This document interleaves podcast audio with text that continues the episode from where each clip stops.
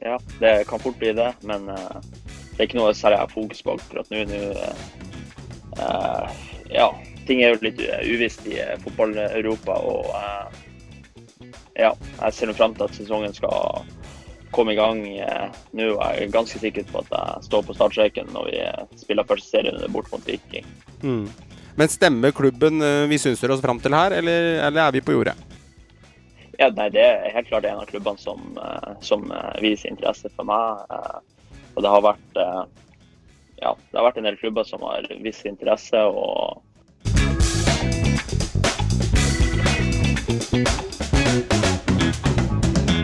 Velkommen til en ny episode av Synseligaen. Vi fortalte Instagram og lytterne våre, og spesielt i forrige episode, at vi skulle ha med Jens Petter Hauge fra Bodø-Glimt i denne episoden. Og det er jo en glede å ha han med i dag. Han debuterte i 2016 mot Godset. Han var nominert samme året til Årets unge spiller i Norge.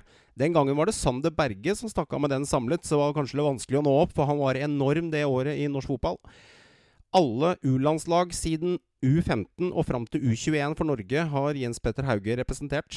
Han har spilt 88 kamper for Bodø-Glimt siden 2016. Han har vært med i U19-EM i Finland og U20-VM i Polen for Norge. Blant årets heteste salgsobjekter i norsk eliteserie er Jens Petter Hauge, og står med en strålende høstsesong i 2019. Jens Petter, velkommen til gjest i podkasten Synseligaen. Jo, tusen takk for det. Det var, var, artig å bli spurt om å få vært med, og det sa jeg ja til med en gang. Så det ser fram til det. Hyggelig. Har du hørt på noen episoder, eller har du ligget litt i dvale i disse koronatider og trent og spist og ikke fått med deg så mye podcaster, kanskje? Nei, jeg har vært litt i dvale, men uh, som sagt, jeg hørte noe Ata var innom. Det var egentlig sånn, uh, sånn jeg ble oppmerksom på den uh, podkasten her. Mm. Um, og så satt jeg og fulgte litt med nå sist når Fredrik var, var inne der. Mm, hyggelig. Ataneka er vel også agenten din, stemmer ikke det? Ja. Mm. Håvard Jens Petter Hauge, det var noen spillere fra Bodø-Glimt som valgte å ja, flytte litt lenger sør og ta proffdrømmen i, i mente i sinn og hjerte. Og da tok Jens Petter Hauge tak i stapettvinden i stor høst, nei, fjor høst. Og han har jo leverte jo egentlig fra første spark der på ballen i høstsesongen. Og leverte en veldig god sesong for Bodø-Glimt, som tok det sølvet i fjor. Når Laioni Lajoni flytta på seg til uh, varmere strøk, så, så, har jo absolutt ikke Jens Petter vært noe, noe så vanvittig mye dårligere. Han er ganske trygg på også. Mye, mye fart, teknikk. Går rett på mål i, i rein Glimt-stil. Så her er det en farlig ving i norsk målestokk, absolutt. Uten tvil. Tålmodighet etter gjennombrudd i 2016, når du er nominert der til årets spiller det året. Du har jo gått graden og vært ganske tålmodig Jens Petter, hele veien. Og det er jo kred til deg også. Mange unge spillere som går ut ganske fort når de får tillit. Men du har ergo da valgt å bli i Bodø-Glimt og vente til muligheten bøy seg, selv om du hadde et lite opphold i Ålesund på utlån. Stemmer ikke det? Eh, jo, det stemmer godt, det. Um, som dere var inne på, jeg slo, slo Ena i 2016. Um, var ganske ung da, så uh, ja. Det var, det var, gøy, det. Men så følt, har vi alltid følt at Glimt var rett sted for meg å være. Men uh, så har det ikke alltid gått som jeg håpa, så uh, jeg fikk et halvt år i Ålesund. Mm. Spilte jo ikke så mye som jeg kanskje håpet jeg skulle gjøre, da, men samtidig så følte jeg at det året var veldig viktig for meg. og Jeg vokste mye som person. og liksom ja, jeg kom, bedre, jeg kom tilbake til Glimt som en mye bedre fotballspiller og eh, person. Du var jo ekstremt god i Obos-ligaen når uh, Glimt uh, rykka opp. Og så vidt jeg husker, så var du vel enda mer fremtredende enn hva en Evjen var da. Og så gikk jo eh, Glimt opp, og så kom jo André, Håkon Evjen eh, fra, fra, nærmest ingenting, eh, følte i hvert fall mange i Fotball-Norge, da, og har en vanvittig sesong. Hvordan er det å se utviklingen til en lagkamerat på en måte skyte så fart? Nei, det var, det var gøy, det. Håkon han kom jo til Glimt da han var ganske ung. Eh, den perioden jeg liksom slo gjennom og spilte, spilte mye, da, så eh, å se han ta de stegene han gjorde, det var utrolig gøy. Eh, og ja, det er bare å ta, ta seg hatten for den sesongen han hadde, og sikker på at han får en strålende karriere. Men hvordan, hvordan syns du det var da, da? På en måte, du hadde jo som sagt en kjempesesong. Glimt rykka opp, og så ble det litt vanskeligere i Eliteserien. følte du liksom Måtte du ned et nivå da, som sagt, til Ålesund for å bygge opp litt selvtillit igjen? Eh, ja, det var jo litt av det som var poenget da med å dra til Ålesund og spille seg litt i forrige. Og, eh, for det var jo som sagt et nivå jeg hadde prestert ganske godt på tidligere. Men ja. det året der så var det ikke Det var ikke han Håkon som kom og tok plassen min da. Nei.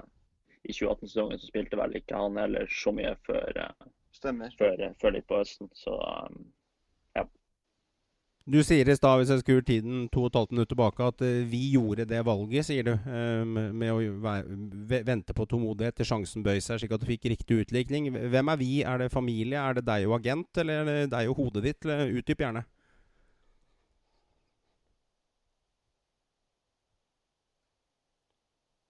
Er bedre litt borte? Skal vi se. Avgjørelser uh, i lag. Mm. Vi har ganske likt syn på, på hva som skal til for å hvis det er, er min connection som er dårlig her. Ja, Til info så hakker lyden din veldig, Johan. OK. Jeg er eh, helt på 4G-en her. Skal vi se om alt er i orden her og fortsetter som det skal. Er du, hører du oss, Jens Petter? Eh, ja. Prøver å gjenta, eh. gjenta spørsmålet. Uh, dette med når du uttalte om vi for utviklingen din, hvem er vi? nei, det er jeg og Natta har veldig godt eh, samarbeid og forhold til, eh, til, akkurat den biten der. Så eh, han har støtta meg og liksom gitt meg råd, og vi er ganske enige om hva som er, mest riktig for min utvikling da. Mm. så ja, jeg tar, tar alle avgjørelsene mine i lag med han, da. Har du hatt et langt samarbeid med Jan Er det, er det noe som har vart en god stund nå? Ja, det, jeg lurer på om vi signerte første kontrakten eh, enten våren 2017 eller mm. Ja, jeg er ganske sikker på det var våren 2017. Ja. ja eh, der var linja tilbake igjen. Eh, takk for den. Eh, Bodø-Glimt har hatt en ganske ok treningsperiode bak seg. Eh, dere har jo hatt en god del tapere. Har ikke, kamper har ikke tapt så veldig mange der. Og Hvor står Bodø-Glimt nå før 2020 sparker i gang om en 14 dagers tid? Eh, nei, jeg tror, eh, jeg tror, vi er der vi skal være. Eh, Nå Sist eh, når vi spilte mot Rosenborg, så ble det litt mye nytt. det var liksom, Vi hadde ikke fått drilla laget så mye, mye i forkant. Og ja, samspillet var ikke helt der det skal være. Men fysisk og den biten der er vi eh, bra. Så eh, ja, etter kamp eh, nå mot Vålerenga på tirsdag, så føler jeg vi er veldig klare til sesongen starter. Dere har jo mista en del uh, spillere nå, men også fått inn mye nytt og spennende. Ser du for deg nå at Glimt fortsatt kan kjempe om medalje? Det var jo et, en vanvittig prestasjon i fjor med sølvmedalje. Det var ikke mange som hadde sett den komme. Og dere var jo enorme i preseason og feide jo over all motstand. Uh, ser du for deg at dere klarer å gjenskape denne sesongen? Eh, ja, jeg tror eh, at Glimt har alle mulige forutsetninger til å prestere minst like bra som, som vi gjorde i fjor. Men det er viktig å huske på hvorfor vi gjorde det så bra i fjor, og liksom ikke glemme av hva som skal til. da. Mm. Hvor står du igjen, eh, Jens Petter, med tanke på det du hadde i fjor? Da, har du utviklet deg mye? Har du tatt nye steg i løpet av vinteren, eller, eller terper man på de små tingene? Nei, man fortsetter jo å terpe på de små tingene. For meg og den spilleren jeg vil være, så er det liksom, det handler om å utvikle ferdighetene sine og dyrke liksom, det som gjør at, uh, at man blir lagt merke til. da. Um, og så ikke minst så har jeg fått jobba godt fysisk nå, mm. mens det har vært litt uh, oppre, eller uh, ja, mens vi ikke har trent så mye med laget. Så uh, jeg er i rute. Eh, kampen, det, mot, sagt, ja, kamp, kampen mot uh, Rosenborg så var det jo veldig mye bytter fra begge lag. jeg følte vel at den kampen ja, Når du kaster inn på en 18-22 spillere fra begge lagene, så, så, er vel resultatet litt sånn ja. Det er vanskelig å bedømme en sånn type fotballkamp uh, når man gjør de valgene der. Jeg, jeg ser den. Uh, hvis du sammenligner det Rosenborg-laget du møtte, da. Uh, hva møtte dere der, og hvor annerledes var de nå? Med tanke på at de har fått et halvt år med på baken med Horneland bak seg, og du har jo møtt dem flere ganger selv. Ja, nei, det er jo et fysisk lag. Det er jo vanskelig å spille mot det. De, så ja, det er jo et voksent lag. Eh, og man merka jo at de var mer samspilt kanskje enn de var når vi møtte de i seriestarten i fjor da, på Aspmyra. Mm. Så jeg tror, eh, tror, nok at de får et bra år, de. Dere har jo, som jeg var inne på, Glimt har jo henta mange nye spillere nå. Eh, Bl.a. en Solbakken fra Ranheim, en Junker, Sami Skytte en Sampsted. Eh, det har kommet mye nytt inn. Fosnes er det vel også. Og så tror jeg vel også det er kommet inn en Brustad Fet fra Ålesund nå. Det er masse nytt, mye spennende. Hvordan har disse gutta her kommet inn i laget? Eh, nei, de har kommet veldig bra eh, inn. Som, vi signerte jo han Høybråten og han er Fet nå rett før, rett før den Rosenborg-kampen, så de har ikke fått så mye tid til å bli kjent med spillestilen vår. Så ja, bli vant til. Det er, det er mye nytt, men også mye spennende. Mye spillere i fin alder. Ja, absolutt. Eh, eh, Junker blir nok veldig bra. og Han er en spiss som lett kan skåre eh, opp ja, Jeg er ganske sikker på han skårer tosifra i år, i hvert fall. Mm. Så ja, han ser veldig bra ut. Hva er han sterk på, Junker? Du har jo sett mye på trening. Spesialegenskapen hans? Nei, Først og fremst er han en fantastisk avslutter. Foran ballen så er det, så er det mål. Han er han er ganske lik han eh, oppsett, egentlig. Sånn i den type, mm. Eh, den type Altså får han ballen, så, så, sitter han som regel i nota. Og så er han, han er utrolig rask. Eh, så ja, han er kanskje en bedre utgave enn oppsett, jeg vet ikke helt. Hva med deg, deg selv, dine egne ambisjoner, målpoeng? Hva, hvor ligger lista? Nei, lista den ligger høyt. Jeg ønsker å skåre mål eller sette opp til mål hver gang jeg er på banen. Uansett om jeg spiller et kvarter eller om jeg spiller 90. Så, så jeg forventer utrolig mye av meg sjøl der. Har du trivsel med at øynene er retta på deg? At uh, nå stiller du i en podkast, det skrives mye om deg, det er litt utenlandske rykter. Det er, det, det, er, det er, litt mer press, da. Uh, og det legges litt på skuldrene dine også når Leoni reiste i fjor også. Så det forventer jo så mye, en god del mer av deg i 2020, Jens Petter? Ja, ja, absolutt. Men det, det lever jeg godt med. Uh, med de ambisjonene jeg har innen fotballen, så, så, vet jeg at det ikke blir mindre av det. Hvis, jo lenger jeg kommer med de målene jeg har satt meg, så å få det nå allerede i Glimt, det lever godt med. og Jeg tror på at jeg skal klare å håndtere det godt. Det grunnspillet Bodø-Glimt er kjent for siden 90-tallet, Håvard. Vi, vi, har jo fulgt med lenge, Håvard. og Bodø-Glimt er vel en av de lagene, også Rosenborg også, som er klassisk 4-3-3. Men de har alltid, Sagmoen, vært veldig tro mot egen spillestil. Ja, vi husker jo godt uh, gutta Berg-gutta og Tom Kåre Stervik og uh, ikke minst uh, Trond Olsen som har herja opp og ned langs Jan Derek. Der, så Jan Derek, ikke minst. Det har vært mye gode Glimt-spillere. og og har egentlig følt at de alltid har spilt på samme måte. Det er hurtig fremoverretta, typisk 4-3-3. Mm. Og eh, er det, er, det her, er det, noe dere merker, dere unge spillere, at det, det ligger i veggene hos, eh, hos, Glimt? At det er eh, noe som dyrkes på trening, den type måte å spille fotball på? Ja, absolutt. Og jeg har jo hatt både Åsmund som hovedtrener og Kjetil, men det er jo mye av de samme tingene som går igjen. da. Og det var jo kanskje òg litt, eh, litt, av grunnen til at det tok litt tid for meg å eh, finne min eh, rolle da, i den 4-3-3-formasjonen. For det er jo i vingene der skal jo gjerne være gjennombruddssissy og gå mye inn i bakrom. Mens jeg kanskje har liksom likt litt mer å dette inn i et mellomrom og mm. ja, spille mye kombinasjonsspill. På landslaget spiller du på en litt annen type måte der. Du har jo vært innom på, på mange landslag opp igjennom. Hvilken rolle er det du har hatt eh, på aldersbestemt landslag?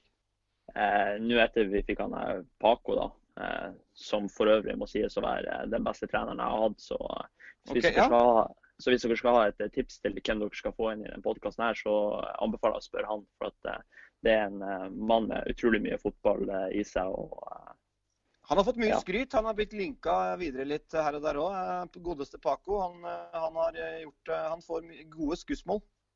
Mm, absolutt, og det er fullt fortjent.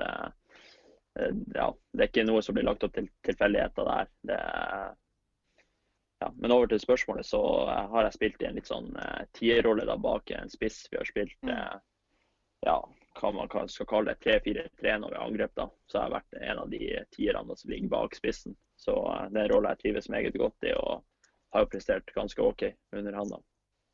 Er det, er det en rolle du egentlig trives enda bedre i enn en, en typisk wing i 4-3-3? Ja, kanskje, men sånn som jeg har utvikla den vingen i Glimt, så føler jeg at jeg får eh, litt frihet til å gjøre akkurat det samme. Da. Hvis ballen er på høyrekanten, så kan jeg komme inn og, og, og melde meg på, eh, på da. Da trenger jeg å ligge helt bredt motsatt. Mm.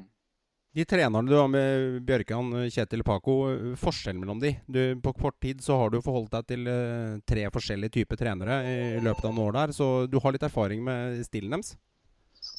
Eh, ja, absolutt. Og uh, det, er, det, er, litt artig å se at det er så mange forskjellige måter å løse ting på, da. Mm.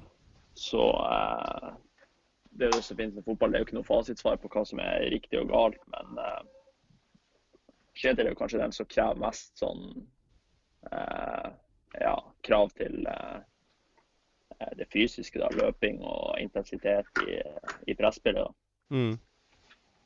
Så, men Bjørkan også går litt rykter om at han, eh, han, er litt sånn type som plukker opp mye ideer, og dagen etterpå, som også Gauseth bekreftet i en podcast, så skal, han, så skal han spre de ideene litt på treningsfeltet fordi han har sett en uh, TV-program eller en ny måte å trene på. Stemmer disse tingene her, at han lar seg lett inspirere av uh, nye metoder å gjøre på, og så dytter han det opp på dere spillere? Ja, han, han er glad i å, å hente inspirasjon og liksom ta det med til feltet. da, og Det syns jeg er en fin egenskap. for at kan bli kjedelig med hvis du har samme øvelsene eh, i et par sesonger. Så, og hele tida komme med nye, nye, og bedre øvelser, det Ja. Nei, jeg føler det funka bra, det. Mm, mm. Du har jo også en uh, yngre bror i laget. Runar Hauge. Som også begynner å ta steg. Uh, hvordan ser du på hans sesong? Kommer vi til å se han få spilletid? Ja, absolutt. Eh, han står bra på, på trening. og eh, som dere sier, han tar fine steg. Så eh, jeg tror på at han kan presentere seg i norsk fotball i løpet av året. Er det, er det en, en, type spiller i samme rolle som deg, eller? Eh, ja, han er jo, han er jo ja, litt ulik, da, men han har jo litt av de samme egenskapene. da.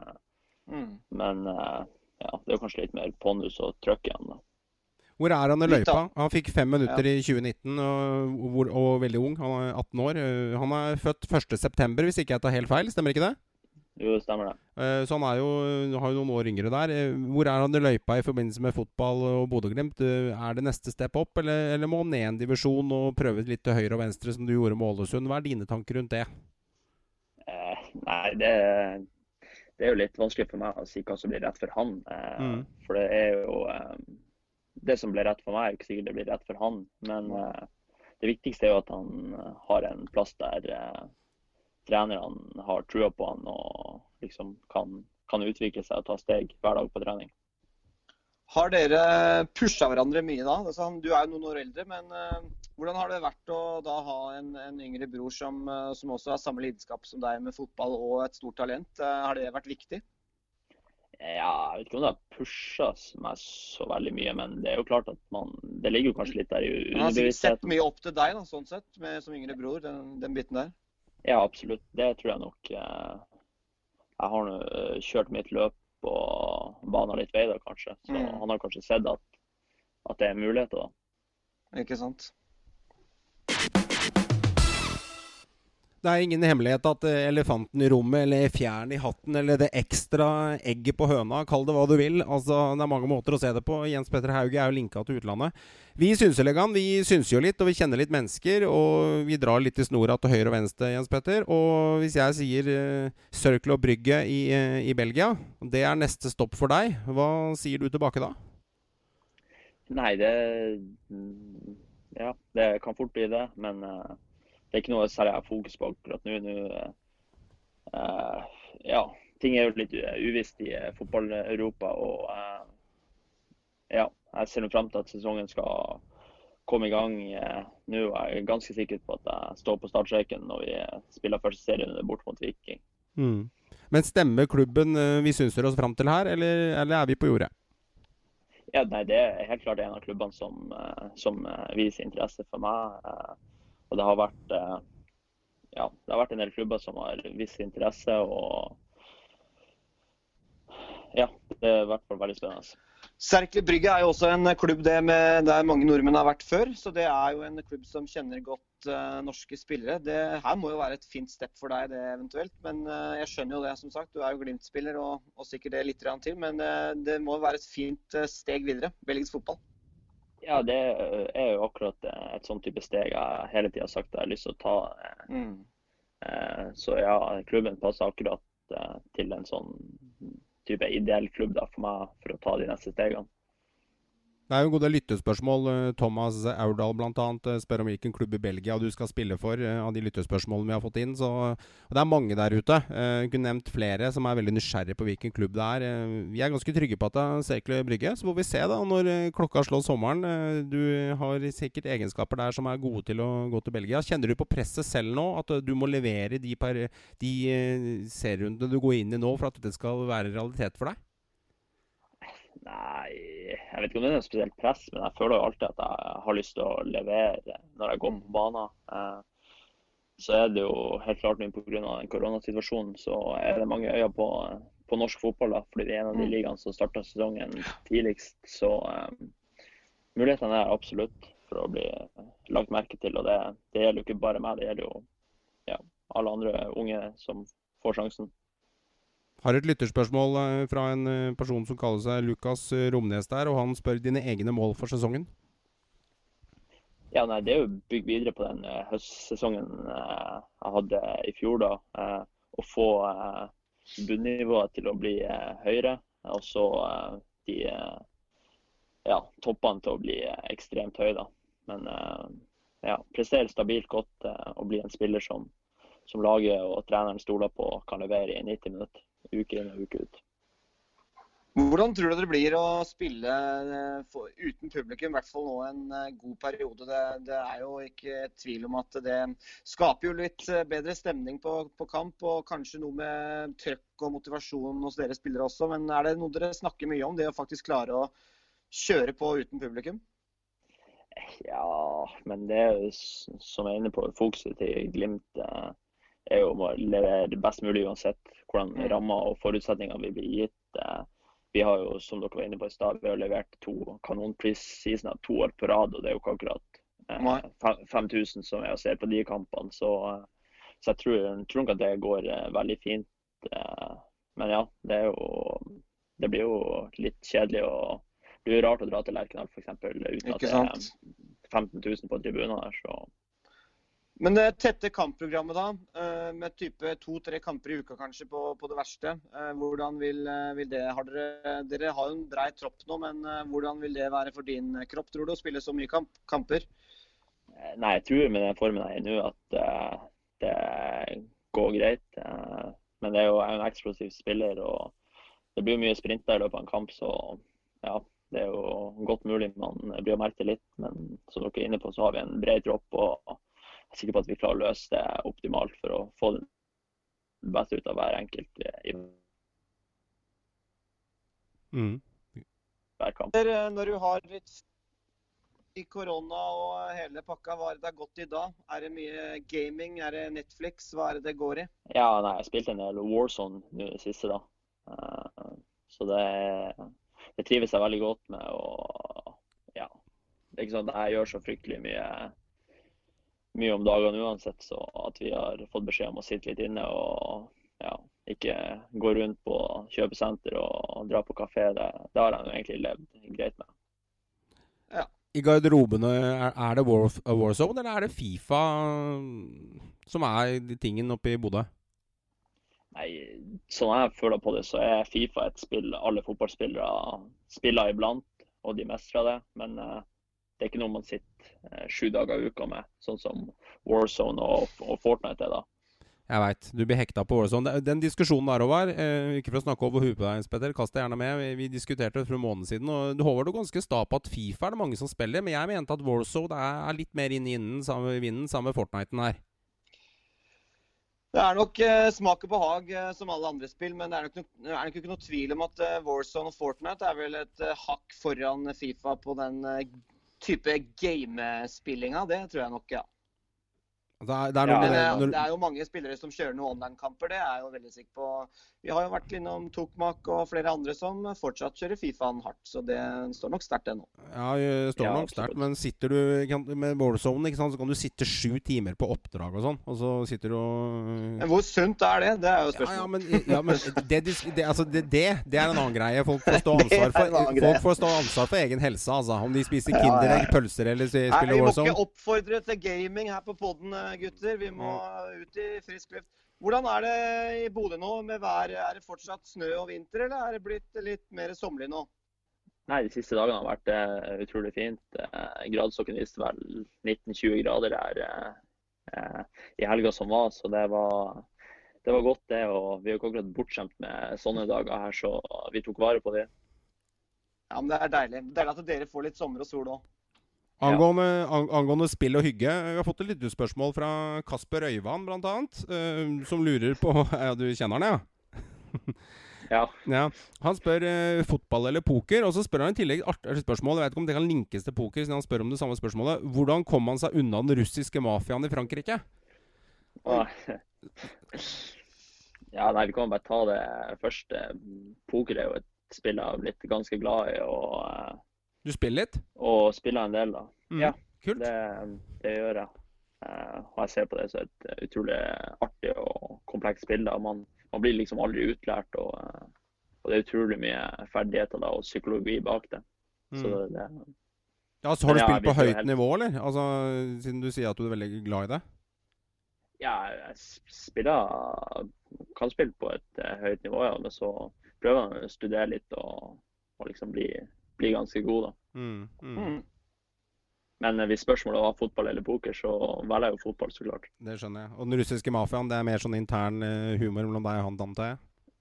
Ja, det ble jo en litt sånn kjent greie blant, eh, blant de kompisene mine. For vi var på ferie i NIS da. Riktig. Eh, Her kommer det, Håvard. Her Og- kommer det. Og eh, i Frankrike da, så snakka jo de fleste fransk. da, Det er ikke mange som snakker engelsk. Så eh, når jeg satte meg ned da på bordet, så, så var det jo meg, eh, en russer og, eh, og da en seks-sju eh, franskmenn da, som eh, snakka kun fransk. Og han russeren spilte tydeligvis ganske ofte der og var litt irritert på det. da. Mm. Så han begynte nå først eh, veldig hyggelig og snakka med meg, liksom. Og, ja. og så gikk det ikke så bra med han. da. Han, han tapte noen eh, coinflips og var litt ned, da. Mens, eh, mens jeg bygde meg sakte og sikkert oppover og, og casha ut da ganske greit når jeg skulle eh, dra hjem, da. Det Og liker ikke russeren, vet du. Nei, det Nei, og så var det jo det som kom jo etter meg, liksom, og, eh, og begynte å spørre om han ikke kunne låne noen penger, og han gadd ikke dra tilbake til leiligheta si og, og hente, liksom. Og jeg bare tenkte helvete, nå nå ryker jo hele profiten min den kvelden, da. Eh, så jeg, det, ja, han ble jo pågående, så det ble jo ubehagelig. Og så endte jeg opp med at eh, jeg ble kjørt hjem av kasinopersonellet, da. For at han eh, begynte å gå etter meg og snakke russisk i telefoner. og ja, Mens han skulle ha da lån, lån og ja, Han kom, han kom etter deg. Med skjellsord og sto i. ja, det var han skulle akkurat gå når jeg skulle gå, da. og ja, Ja, Det er jo litt shady, det, når du er der eh, på sånne steder. Ja, absolutt. Og så var han kompisen min eh, Han spilte ikke akkurat på det kasinoet jeg var på da. Eh, Så han var jo ikke sammen med meg, jeg var jo helt alene. Og ja. Nei, så da var det bare å bli eskortert hjem fra kasinopersonell da, ute, ute bakveien. og Det Det høres ut som du har en sunn eh, tilnærming til det. da At Spill litt for moro når du er på tur og hei og hå. Det er mange som syns sånt er gøy. Og poker er jo Mange mener jo det er en veldig utviklende ting med å tenke psykologisk med man to man over bordet. Og jeg, det har aldri vært mitt, mitt spill. Jeg, kan, jeg tror ikke jeg er så god i poker, selv om det er litt yatzy-regler inni der. Har du spilt mye poker, Håvard? Nei, Poker er moro. Det er ikke blitt så mye, mye av det. Altså. Men det er jo et eh, fett eh, spill. Det er ikke noe tvil om det. Vi har en, en, en person som lurer litt på eh, forholdet ditt til Godsunionen. Og forholdet ditt til eh, eller andre supporterunioner generelt. Men Godsunionen ble nevnt her. Ja. Eh, nei, det var en episode der i fjor når vi hadde spilt kampen, eh, kampen mot dem. da. Mm. Håkon Hevin hadde vel vært skåret to mål, og vi vant. Og ting gikk ikke så bra i godset da. Mm. Jeg kom inn og så skulle vi springe litt etter kampen. da. Så tok vi noen drag da over altså fra den ene sida mot den andre, og så avslutta vi altså rett foran Godsunionen. da. Mm. Um, og da Det likte ikke de at vi drev og sprang foran de da, etter kampen når de hadde vunnet. Så de ja, begynte jo å rope, rope masse ufine greier. da, og så ja, var, Vi var i godt humør, vi hadde vunnet, og så jeg, så jeg, fyrte jo en liten kommentar tilbake. da, og da, da tente jo de på alle pluggene og ja, skulle springe ned til banen. og Vakta måtte jo holde unna. og så nei, det var egentlig ikke noe spesielt, men uh, ja. Jeg har ikke noe imot Godsunionen, selv om det ble, ble litt clinch der. Hva fyrte du, da? Det er lov å fyre det tilbake. Hva, hva fyrte du? Ja da. Eh, nei, jeg sa noe sånn 'kos dere i Obos neste år', eller et eller annet. Å ja, såpass, ja. Så, Vi er der, ja. ja var, da blir det ampert litt... i Drammen, vet du. Da blir det ampert. Ja, ja da, jeg fikk jo beskjed om å eh, ta med meg, ta med noen kompiser og komme på Kings, da, som tydeligvis var en uteplass. De, de spanderte visst både øl og, og mer, da. Så. Ja, tok uh, ja, alt som er. Men når det gjelder uh, hjemme, altså bortebaner i, i, serien, hvor er det er, holdt jeg på å si, verst å komme når det gjelder fans eller, eller selve lag og møte, der du føler at uh, her har vi ikke taket på det? Ja, da er jo Godset en av de plassene. Det var jo, som dere nevnte tidligere, det var der jeg fikk eh, debuten min. Det stemmer. Jeg eh, har vel aldri, aldri blitt så rundspilt som jeg ble da. I 2016? Eh, men da var I 2016, ja. Og mm. da var det jo Godset et utrolig, utrolig bra lag. Mm. Men det er liksom det er en av de plassene jeg føler at, at jeg kanskje har slitt litt. da. Og så er det jo eh, Lerkendal er jo også en stadion som er det er vanskelig å reise seg fra med tre poeng og det trøkket som er fra, fra kjernen og, eh, og stadion generelt, det, er ganske bra. Påvirkes du av du sier påvirkes du av trøkk eller av stemning? Eh, går det litt innover deg? Nei, jeg syns, jeg syns, det er utrolig artig å spille på, spille på sånne stadioner der man merker at uh, ting engasjerer. og uh, ja, og at det, det fyres litt opp uh, fra sidelinja. Det, det, føler jeg påvirker meg ganske greit, og, og syns det er artig å spille på sånne arenaer. Hvordan er Bodø-fansen? Fansen deres. Det er jo dessverre litt lite folk på kamp noen ganger i Bodø, men eh, fansen ser ut som de holder koken greit. Ja, absolutt. Man må berømme de som faktisk møter opp der og tar turen, selv om været er dårlig eller ja, eller kampen går på TV eller et eller annet. Jeg vet ikke hvorfor folk ikke møter opp, men eh, de som faktisk møter opp, de lager utrolig bra liv. og ja, det det er bra trøkk fra de. Jeg kan jo, Håvard, vi har fulgt med fotball lenge, og vi har tørka tårene og av og til besvimt, og Bodø-Glimt jeg husker veldig godt det fra 90-tallet. Og så hadde disse herlige tannbørstene, og de var gule som, gule som kyllinger. Det, var, det, gjorde inntrykk på meg da jeg var guttepjokk og så det på stadion. Jeg syns det var kult. Og jeg mener sangen er sånn, stemmer ikke det? Eller bommer jeg, Hans Petter? Jo, nei, det hørtes eh, ganske bra ut. Ja, Uten toneleie, selvfølgelig. Jeg er ikke som Jan Thomas, ja, jeg, som, har, som, har, som, har, gehør, eller hva han sier, på begge øra. Jeg har ingenting. Så, men, men, jeg byr på det jeg har. Det, og ja. det er bra. Ja, man kommer langt med det. kommer langt med det. Men uh, holdt jeg på å si, uh, dere spilte jo feiende flott fotball uh, i fjor. Hvorfor tror du ikke det kommer flere på, på kamp i Bodø? Er er det, så vanvittig godt kulturtilbud, eller er det fisking i vannet som frister, eller hva, hva, er det for noe? Nei, det skulle gjerne likt å vite svaret på det, for da skulle jeg gjort noe med det. Men nei, jeg prøver nå å bidra med det jeg kan, og, og Glimt generelt. Vi, I fjor spilte vi bra fotball. og det, det er selvfølgelig kjedelig at vi ikke klarer å fylle stadion hver helg, som de bl.a. gjør i Kristiansund eller ja. ja sånne typer. Ja, for dere spilte jo vanvittig god fotball. og um, har, har ikke Bodø-Glimt den der standingen i byen som før, eller hva, hva føler du? Eh, jo, jeg føler at folk er veldig engasjert og, og bryr seg om det som skjer med Glimt. Om man er på butikken og skal kjøpe seg en, en genser eller hva det er, så, så blir folk nysgjerrige på hvordan det går med laget. og Spesielt nå i den koronatida. Så, så spør de da om eh, vi er i rute og får trent bra. Og, så jeg føler absolutt at folk følger med, og det står liksom ikke på det. Ja, Det er bra. Jeg tror det er en sykdom i hele norsk fotball. det Håvard. Vi skal ikke snakke produktet ned, for vi elsker jo norske eliteserie. Men, Absolutt. Folk må komme seg på kamp. Men, men ikke sant? mitt lag Rosenborg, da. Rosenborg er jo mitt hjerte nært. Men uh, snittet på 12,80 i fjor, og for tre-fire år siden hadde de 18. Uh, det samme med Brann. De snitter lenger ned. Den eneste som hadde virkelig høyere publikumsantall i fjor, var i Sarpsborg, selv om de lå i bånn. De hadde faktisk klart å dra til enda mer over vaffelhaugen der, som jeg kaller det. Og Bodø-Glimt Det var vel noen andre som også uh, gikk litt opp, men mange går ned. Ja, mange går ned, og det... nå, nå, får vi jo ikke det problemet. Nå er jo ikke folk på kamp foreløpig, i hvert fall. Det er det, så, så ja. vi får se. Vi får se. Og hvis det åpner igjen litt positivt ut. Ja. ja. Hvis det åpner opp for fulle tribuner, så plutselig vil alle på kamp. Det får vi håpe, håpe at folk kjenner besøkelsestida si da. Det får vi virkelig håpe. Men merker du det at, du, at, dere setter kanskje enda mer pris på de små kommentarene på butikken når du handler melk og Kvikk Lunsj til kjerringa og er ute og hygger deg litt i gågata der? At du, det, det, er artig å se at folk virkelig bryr seg. Kjenner dere litt mer på det, dere spillerne? Snakkes det om i garderoben at denne sesongen her, altså, fansen betyr mye for oss? Mm, absolutt.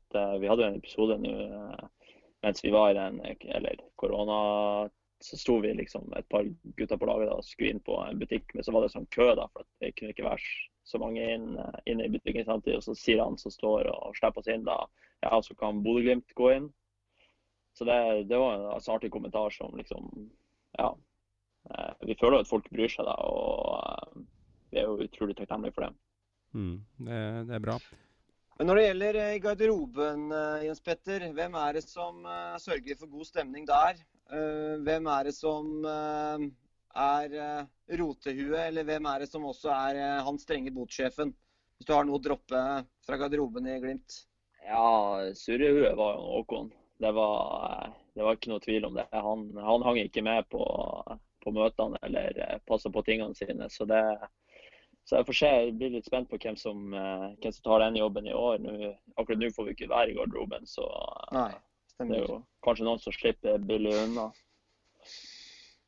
Nei, og så er det jo klart at eh, de danskene eh, diskuterer veldig mye. så det, Man hører at de er blitt tre nå istedenfor bare én. Så, eh. tre dansker, ja, ikke sant. Ja. Men hvordan er, er det noen saftige bøter hos dere? Er det noe som er, Hva er det verste? Hva man får mest bot for? Nei, Det er vel ugyldig fravær på trening, regner jeg med. Så, ja. Men Det skjer jo ikke så ofte, da. Men vi hadde jo en stjernenykkerbot i fjor da, som, som kom litt, litt, ofte. da. Så jeg kan bare si at Håkon røyker på en der. Når han hadde vært, vært i Aset og, og signert da, Eh, og så på, på, flyet hjem så han bestemte seg for at han skulle kjøre Aset Alkmaar da, i bioen sin på Instagram. Men det var jo fortsatt han hadde et halvt år igjen, da, så det satte ikke bordsjefen pris på. Så da, da, fikk han en solid bot der.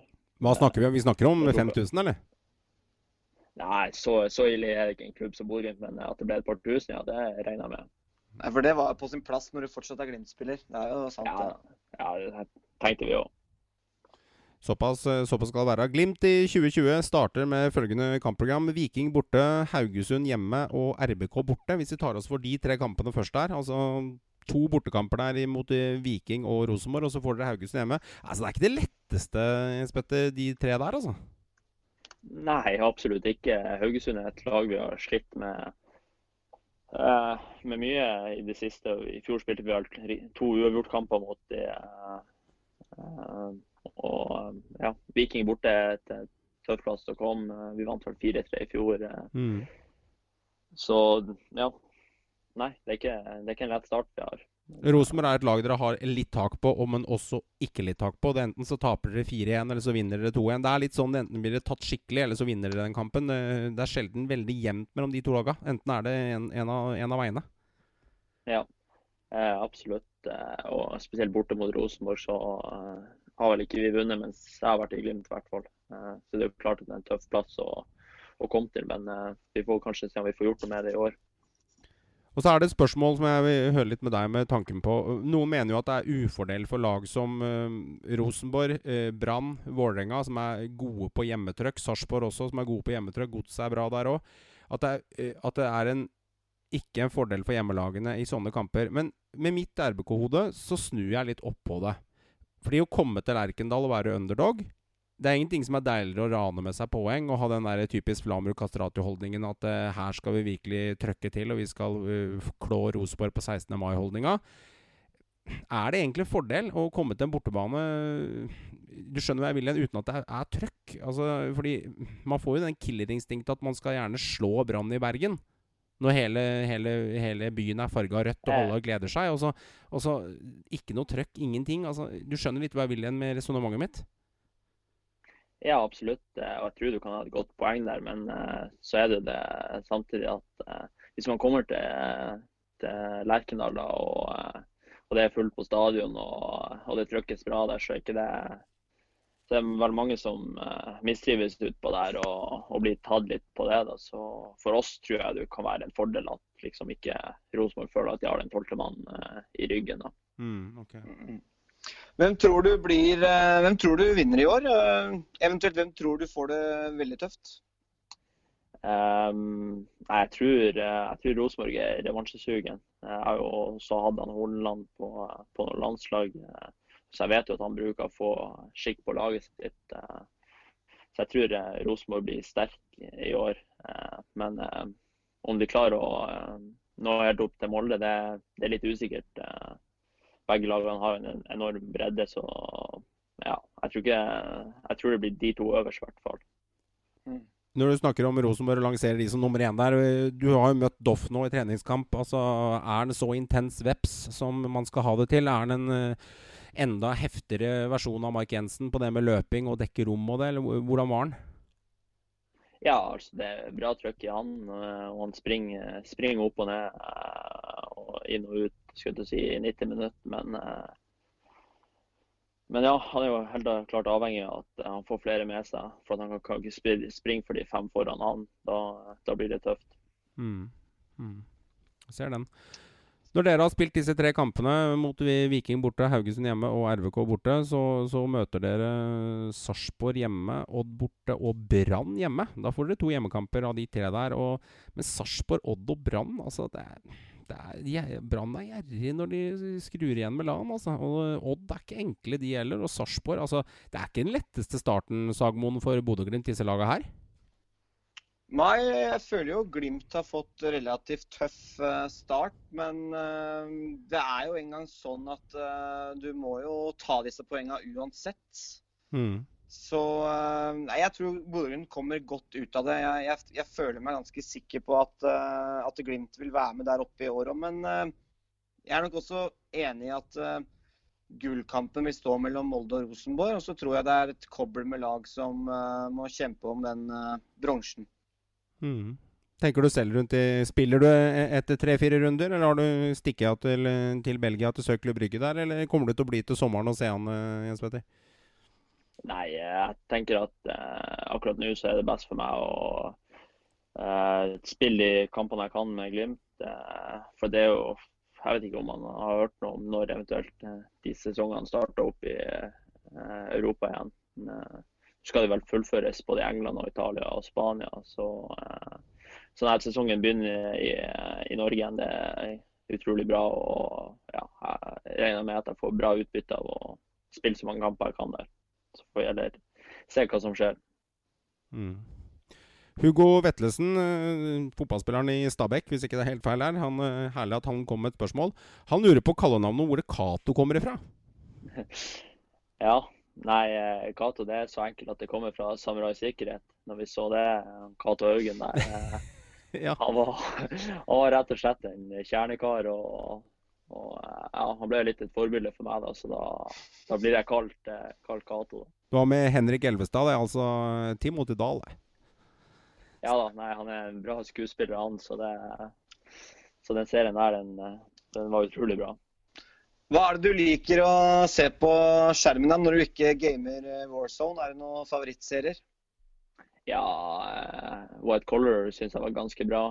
Uh, uh, Papirhuset og Prison Break da, er sånne type serier jeg, jeg liker å se.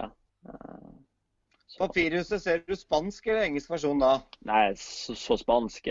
Når jeg begynte å se altså den siste sesongen, når det kom ut, så var det et eller annet rart, fant jeg ut i første episoden. Og så var det det at det var liksom engelsk tale. Ja, den der dubbinga er helt krise. altså. Jeg blir ja. helt gæren av den dubbinga. Men uh, sånn er det. Det er en bra serie, absolutt. Irriterte dere så mye over det, altså? Nei, jeg ble fryktelig, fryktelig sliten av den dubbinga. Irriterer meg veldig, faktisk. Sett litt serier sist, altså. Jeg runda Nei, men akkurat nå jeg dunka meg inn på Sumo, faktisk, og sett, eh, sett på klassisk norsk toll. Tollprogrammet. Der hvor de eh, tar over ting i alt fra Nord-Norge til Svinesund til svenskegrensa. Og rett og slett se på hva de konfiskerer ved, ved grensa, altså, som Narvestad vel har sagt. Så det er litt interessant å se. Så det er artig å se et tollprogram, for det varer bare 25 minutter hver episode. Så det er sånn, du blir litt sånn hekta å se på det. Hva, hva er neste beslaget? Hvor ja. mye dop klarer de å hente ut? Hvor mye alkohol er det du får av han polakken som kommer over grensa? Men det er mye, mye lumskt, altså, som de tar. Så er det kanskje en liten dark horse da, som uh, ikke så mange har sett. og Det er òg en spansk serie som heter El Dragoon, som går på, uh, på, uh, på, Netflix. da. Ja. så det er en Hvis, det hvis man har mye tid til overs, så, så, ja, så begynner dere på den. Men det, det er krevende å komme seg gjennom. El Dragoon, ja. Nice. Men nå er det jo sommer og sol, så da kan vi jo ikke sitte for mye inne og se på serier. Da må vi komme oss eh, ut i sola. Ja, det kan hende folk i Bodø har tid å se serier i sommer. Ik ikke sant. Ikke altså, Du skal ikke undervurdere det. Det er litt som å si til, uh, si til folk som er glad i godteri, at uh, vi spiser kun godteri på lørdager, ikke på tirsdag klokka sju. Altså, Folk ser serier på kvelden også. Altså, Det kommer til å komme regnfulle dager i sommer òg, så ja. Det er ja, altså, Vi bor i Norge, det sier seg sjøl. Så sånn er det uansett. Sånn er det uansett. Eh, du nevnte Atan Eke i stad. Eh, han har jo vært agenten din i lengre periode. Eh, vi hadde jo intervju med Atan Eke i den poden, og det, du hørte jo den poden selv, stemmer ikke det? Jo. Han slår meg som en uh, veldig fin og lun type med veldig veldig god menneskekunnskap og forståelse for helheten. Har, har du det samme inntrykket? da? At han, han, virker ikke bare som det er cashflow in og cashflow ut. Jeg skjønner han er agent og skal tjene penger og selge spillere, for det er jobben hans. Men, uh, men uh, han er en type som virkelig overraska meg, Spetter? Ja, absolutt. Det var, det var litt spennende når jeg holdt på å skulle velge med agenter. Mm hadde slått igjennom i 2016. og det var, eh, det var liksom litt eh, Ja, hadde en del muligheter og møtte en del eh, agenter, da. Men, men etter det møtet med han, så, så fikk jeg det inntrykket at han liksom var, var mann å gå for. da. Og jeg angrer ikke et sekund i dag. og Jeg har vel forlenga den kontrakten både én og to ganger. og som jeg sa til han sist jeg prata med han, at jeg så ikke for meg at liksom jeg kom til å eh, slutte å jobbe med han med det første. Så det satte han veldig pris på. da. Mm. Det høres ut som et veldig bra samarbeid dere har der. Det, det, må jo være en veldig trygghet for deg som spiller. Mm, absolutt. Eh, og er det noe som kanskje ikke jeg syns er så kjekt å prate med folk i klubben eller, eller noen da om, så er det kanskje lettere da for meg å bare få han til å ta det opp med de. og eh, ja, mm. Så, så eh, jeg angrer i hvert fall ikke på at jeg fikk meg noen agent. Eh, og så vidt som jeg vet, så har han vel ikke tjent en krone på meg ennå. Så, så, absolutt, jeg føler ikke at han gjør ting kun for pengene, nei. Det... Ikke sant. Du har jo spilt mot litt eh, backer i Eliteserien, både siden 2016 og litt i førstedivisjon og i fjor i 2019. Hvem er verst å møte? Hvem er, hvem er vanskeligst å få tak på? Hvem føler du har, er sterk psykisk der når, når, den kampen mellom back og wing eh, utarter seg i løpet av minuttene på banen? Mm, ja, det er et litt artig spørsmål. og uh, Jeg føler kanskje at uh, en av de som blir å spille backer i Rosenborg i år, han Reitan, mm. er fort en av de beste backene jeg har møtt. Uh, Greit nok jeg spilte mot han mye når han var i Glimt, men, uh, men ja, han er en vanskelig back å få tak på. Han, uh, han er mye raskere enn folk tror. og, og uh, Han gjør aldri noe utslag. da Han venter bare på at angrepsspilleren skal, skal, gjøre noe, så hogger han inn, inn etter ballen. da. Så det ja, det er en av de beste backene jeg har møtt eh, i Eliteserien. Hvem er den svakeste, da? Hvem er, tenker du Yes, da, her blir det målpoeng, målpoeng assist, og så skal jeg legge den inn på huet til junkeren foran kassa mens han skal snitte inn 1 og 2 der i 2020? Hvem er det du har i lomma når du er på banen? eh? Hadde meg og deg, Håvard, så hadde det vært i lomma. Men, eh, men eh, klart det er litt høyere nivå der han spiller. det, Må du det melde litt, Jens. Petter. Må smelle nå. ja, jeg, liker best å drible sånn vinger, droppe litt ned og drible vinger, for det er det, det letteste man kan gjøre. Mm. Ja. Hva man skal si? Jeg skåret jo to mål mot Rosenborg i fjor, så kan man si en Hedenstad. ja, ok. Så det du sier, er at uh, Hornland bør gå for Reitan på høyre istedenfor Hedenstad? Nei, det skal ikke jeg legge meg så mye borti, men uh, Nei da. Nei.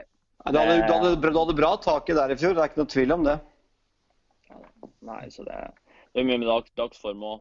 Det, det er ganske mange som kan, kan være ille å møte på, på de rette dagene. Mm.